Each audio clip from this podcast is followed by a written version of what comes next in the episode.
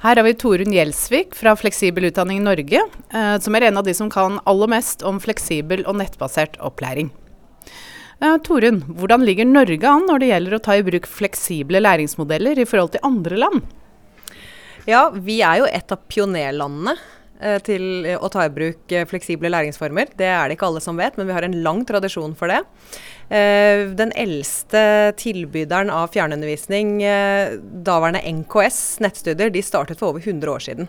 Så, og det har jo med Norges geografi og topografi å gjøre, og at folk har bodd eh, spredt og gris grisgrendt, samtidig som vi har hatt et høyt ut utdanningsnivå og stadig økende. Og så har teknologien kommet etter hvert, med infrastruktur og de mulighetene som vi har for å ta i bruk ny teknologi. Så vi er en pioner, og vi er flinke og ligger godt an. Men vi har også en del å jobbe med. Ja, Kan du si litt om hvordan kan lederne best tilrettelegge for at lærerne kan holde fleksibel opplæring? Ja, dette har jeg akkurat snakket om på konferansen her. Jeg snakket veldig mye om at man må vite hvorfor man gjør det. Ledelsen må vite hvorfor de skal gjøre det. Eh, og klare å kommunisere det. Så strategisk forankring, forankring er veldig viktig. Eh, kommunikasjon om hvorfor man skal gjøre det og hva man vil gjøre, er viktig. Eh, og så er det involvering av lærerne. Ikke tre det ned over hodet på dem, men jobb sammen med lærerne. Ja, nå høres det ut som du er inne på det, men kan du nevne de tre største tabbene som en leder kan gjøre?